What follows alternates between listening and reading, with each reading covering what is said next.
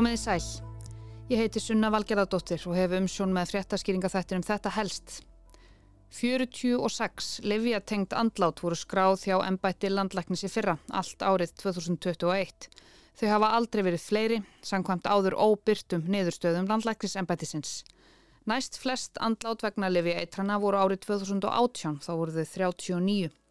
Af þeim sem létust í fyrra vegna leviaitrana voru nýju undir 30. Ópíóíðar helst Oxycontin spila stóran þátt í þessum eitrunum. Í þetta helst í dag ætla ég að fjalla um bannvæna ópíóíða, skoða sögu liviatengdra andláta hér og líta sömulegðis aðeins vestur um haf. You ever think that um, maybe that miracle drug you're selling is just, you know, just a tad more addictive than you said. It's so poison, Billy. What's that? That's all this is. So poison. That's what you do. That's just poison. Heldur það geti verið að þetta liv sem þú ert að selja, Billy, sé kannski aðeins meira ávanabindandi en þú sagðir fyrst. Þú ert að selja eitur. Segir leikarin Michael Keaton þarna í hlutverki Oxycontin Fíkils og Læknis í sjónvastáttaröðinni Dópsik. Þættirni slói í gegn, enda vörpuðu þeir ljósi á afleiðingar græðki saklar fjölskyldunar bandarísku og þeirra siðlausu og ólöglegu markaðsetningu á ópjóíðanum Oxycontin. Þættirnir eru gífurlega áhrifamiklir og nánast líginni líkastir þó þeir spegðu á sönnum atbyrðum, mér að segja ekkert svo fjara okkur í tíma. The opioid epidemic. It's an epidemic that's still very much raging, exacerbated by both the pandemic and illicit fentanyl, to the point that last year nearly 70,000 people died from opioid overdoses. That is the highest annual death toll ever. Saði grínistinn og fjölmiðlamæðurinn John Oliver í þætti sínum Last Week Tonight þar sem hann var að taka opioíða faraldurinn í bandaríkunum fyrir í þriðja sinn og af góðri ástæðu. Þátturinn fór í loftið fyrir ári síðan í ágúst 2021 og þá hafðu næri 70.000 manns dáið af of stórum skamti ópíóíða, aldrei fleiri. 70.000 bandaríkjumenn á einu ári. Embætti landlæknis byrtir á hálsásfresti tölur yfir livjatengt andlát hér á landi. Ég er búin að býða eftir tölunum fyrir setniluta síðasta árs í nokkur tíma og nú eru þar loks komnar. 46 manns letu lífið á Íslandi 2021 vegna livjaeitrana, 24 frá janúar til júni, aldrei fleiri á háls ást tímabili og 22 frá júli til desember. Alls 46, en eitt metið. Ef maður slær livjatengt andlát inn í leitarklukka Google hrúast inn fyrirsagnir á borð við aldrei fleiri livjatengt andlát. Livjatengtum andlátum hefur fjölgað um 47% hjá 30 til 44 ára. 11 undir 30 létust af völdum livja á síðasta ári. Nýr ópíóíða faraldur á Íslandi. Fleiri létust af völdum ávísara livja á Íslandi en í bandaríkjunum. Og svo framvegis og svo framvegis. Andlát eru skráð sem livja tengt þegar megin dánar orsökir eitrun af völdum livja, löglegra eða ólöglegra. Allt árið 2020 voru 37 livja tengt andlát. 2019 voru þau 30 og svo 2018 voru þau 39 eins og áður segir. 2017 voru 30 andlát skráð sem livja tengt og þetta eru ekkert svo rosalega háar tölur með að við reysa landið Ameríku en háar með að við litla landið Ísland. En höldum okkur við síðasta ár og skoðum tölfræðina aðeins betur.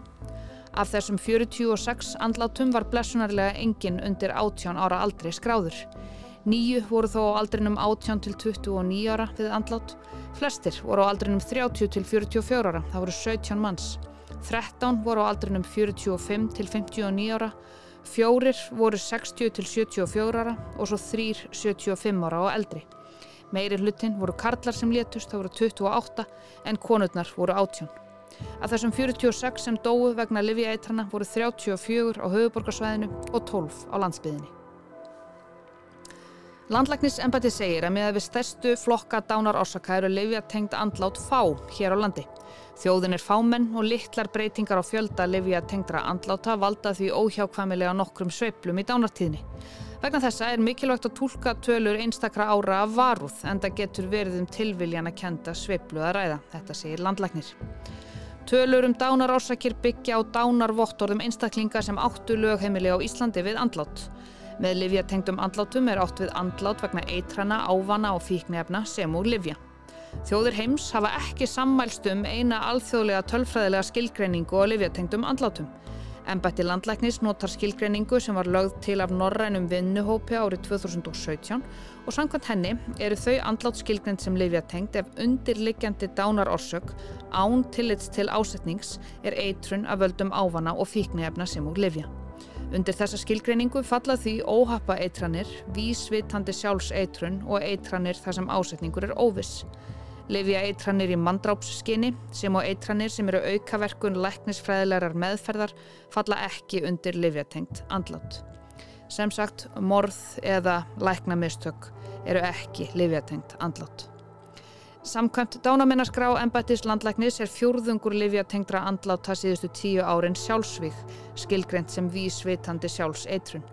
Stærstur hluti livjatengdra andláta er skilgreyndur sem óhapa eitranir, það er um 66% síðastliðin áratug. Rannsóknastofa Háskóla Íslands í livja og eiturefnafræði sér um krupningar og réttarefnafræðilega rannsóknir í þáu láreglu og dómsifirvalda. Stofan rannsakar síni frá lauruglu vegna rannsókna á mögulegum sakamálum en sinnir líka sínum úr réttarkrupningum. Það er að segja, vísinda fólk rannsóknastofunar rannsakar síni úr líkum til þess að ganga úr skugga um hver möguleg dánarorsök sé. Við réttarkrupningar tekur réttarleiknir síni úr líffærum hins látna þegar hann tilur þörf á að leita sér að livjum, ávana á fíknefnum eða eiturefnum. Þetta er engum gert ef grunur leikur á að eitrun hafi átt þátt í dauða hins látna. En fremur eru döðsföll af ímsum toga til dæmis sjálfsvígaða slis tekinn til réttar efnafræðilegra rannsóknar þegar hugsanlegt er talið að tilvist áfengis, livja eða annara efna geti veitt nánari skýringu og aðdraðanda þeirra. Rannsóknarstofan byrtir töflu með helstu livjum og efnum sem fundust í blóði fólk sem lést úr eitrun. Tablan næri við tímabili 2017 til 2021 og ég ætla að taka þau tvö ár fyrir hér 2017 og svo 2021. Árið 2017 voru gerðar 163 krupningar á Íslandi, þaraf voru 37 eitranir. Í fyrra voru 173 krupningar, þaraf 58 eitranir. Opioíðin Oxycontin, Oxy, fannst í 15 látnum einstaklingum í fyrra, það fannst í þremur árið 2017. Flogaveikilifið Pregabalin fannst í jafnmörgum 15 manns en Pregabalin er líka vímugjafi og nokkuð algengur sem slíkur á svörstum markaði. Það fannst í sjö látnum einstaklingum fyrir fimm árum árið 2017. Önnur lif sem rannsóknarstofan skilgreinir sem algeng og finnast í sínum látina eru sterkverkjalif, nánar tildegið kótein, morfín, tramadól, fentanil, búprenorfín, ketobemidón og metadón og svo auðvitað oxy sem var talið upp hér áðan. Það er algengasta verkjalifið. Af ólöglegum fíknefnum eru amfetamin sem er algengast, metamfetamin, MDMA, kokain og THC sem er virka efnið í kannabis. Í flokknum önnur lif eru ADHD-lifið metifilidat og flógaveiki-lifin gabapentin og áður nefnt pregabalin. Spólum aðeins aftur í tíman um þrjú ár. 2019 voru eins og áður segir 30 lifiatengt andlátt skráð hjá landlækni, næri þrjú í hverju mánuði. Það sumar, 9. júni, kom þessi frétt í sjónvarpinu.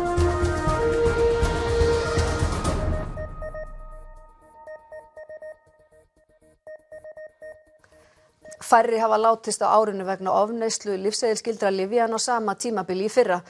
Forstjóri S.A.A. segir að mun fleiri greinist þó með fíkn í sterk verkjalið en áður.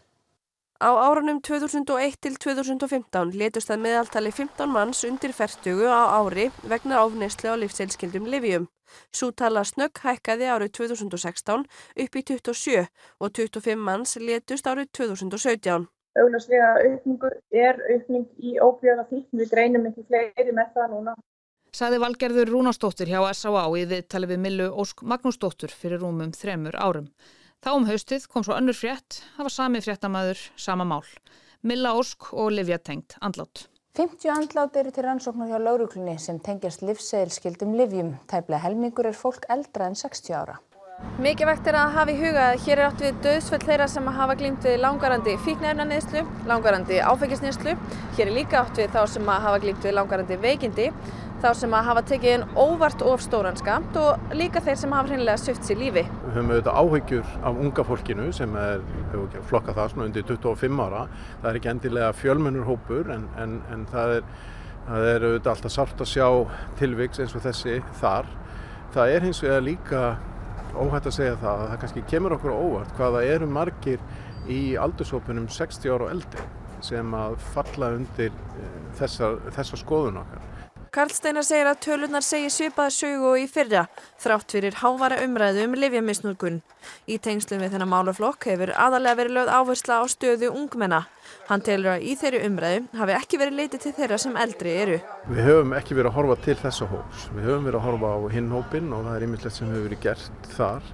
En við höfum kannski glemt þessum hópi sem kemur allavega, finnst, kemur mér á Þetta var Milla að ræða við Karl Steinar Valsson hjá lauruglunu á höfuborgarsvæðinu.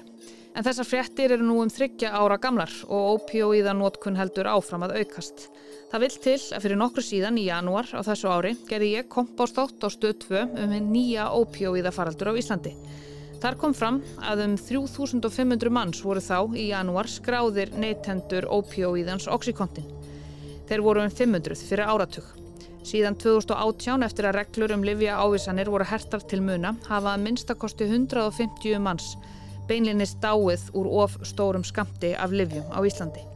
Síðan byrja að taka fram að það eru miklu fleiri sem deyja þó að það sé ekki skráð svoleiðis og svo þarf líka að hafa í huga allan þann fjölda sem deyr ekki af ofstórum skamti en lítur jafnvel varanlegan heilaskaða af. Sigurður Örn Hektorsson, geðleiknir og fyrverandi yfirleiknir fíkni geðdildar landsbítalans Saði þarna í janúar að Ísland stæði frammi fyrir nýjum ópjóíðafaraldri og það hefur verið að standa yfir allra síðustu ár. Ofskömmtun og oxi getur auðveldlega enda með öndunarstoppi og dauða. Og eins og sérst í þessum livjatengtu andlátum þar sem ópjóíðarnir og morfinskildu verkelefin spila langstæstan þátt. Oxycontin er algengasti og eitt bannvænasti ópjóíðin en hann er líka nöðsynlegur. Ópíóíðafaraldurinn á Íslandi náði hámarki 2017. Livseðilskild liv sem læknar hafðu ávísað í hrönnum voru þá megin ástæðan. Þegar þróunin varð ljós var skorin upp herur og ávísunum lækna fækkaði. En eftirspurnin hætti ekki þó að efnin verði óaðgengilegri. Faraldurinn tók sömu stefnu hérna á Íslandi og hann gerði í bandaríkjunum nokkrum árum fyrr og efnin flættu inn á markaðin. We began looking at something that could be big. Oxycontin. Purdue Pharma, they've been marketing the drug as something that's non-addictive when it clearly is. All your doctors are going to be asking, how is this even possible? Your most effective talking point are these magic words. Less than 1%. Less than 1%. Less than 1%. Less than 1? They told me that less than 1% would become addicted.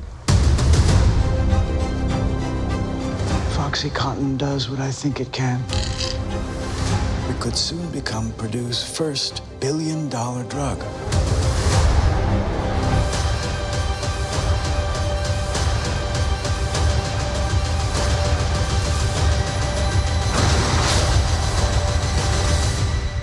I think I can make this the biggest drug in the world. Mikilvægasta lif í heimi, heyrðist Michael Stuhlbarg segja þarna í hlutverki Richard Sackler í Dópsik. Livjarísi saklar fjölskyldunar Purdue Pharma er í dag gjaldþrótta eftir gífurlegt magn af loksóknum, skadabútagreðslum og orðsporsmissi vegna þeirrar ábyrðar sem fyrirtæki var látið sæta vegna ópíóiða faraldusins í bandaríkjónum. Síðustu fregnir af þeim komu í mars þegar fyrirtækjunum var gert að greiða 6 miljardar bandaríkjadala, rúmlega 850 miljardar íslenska króna í bætur og sektir.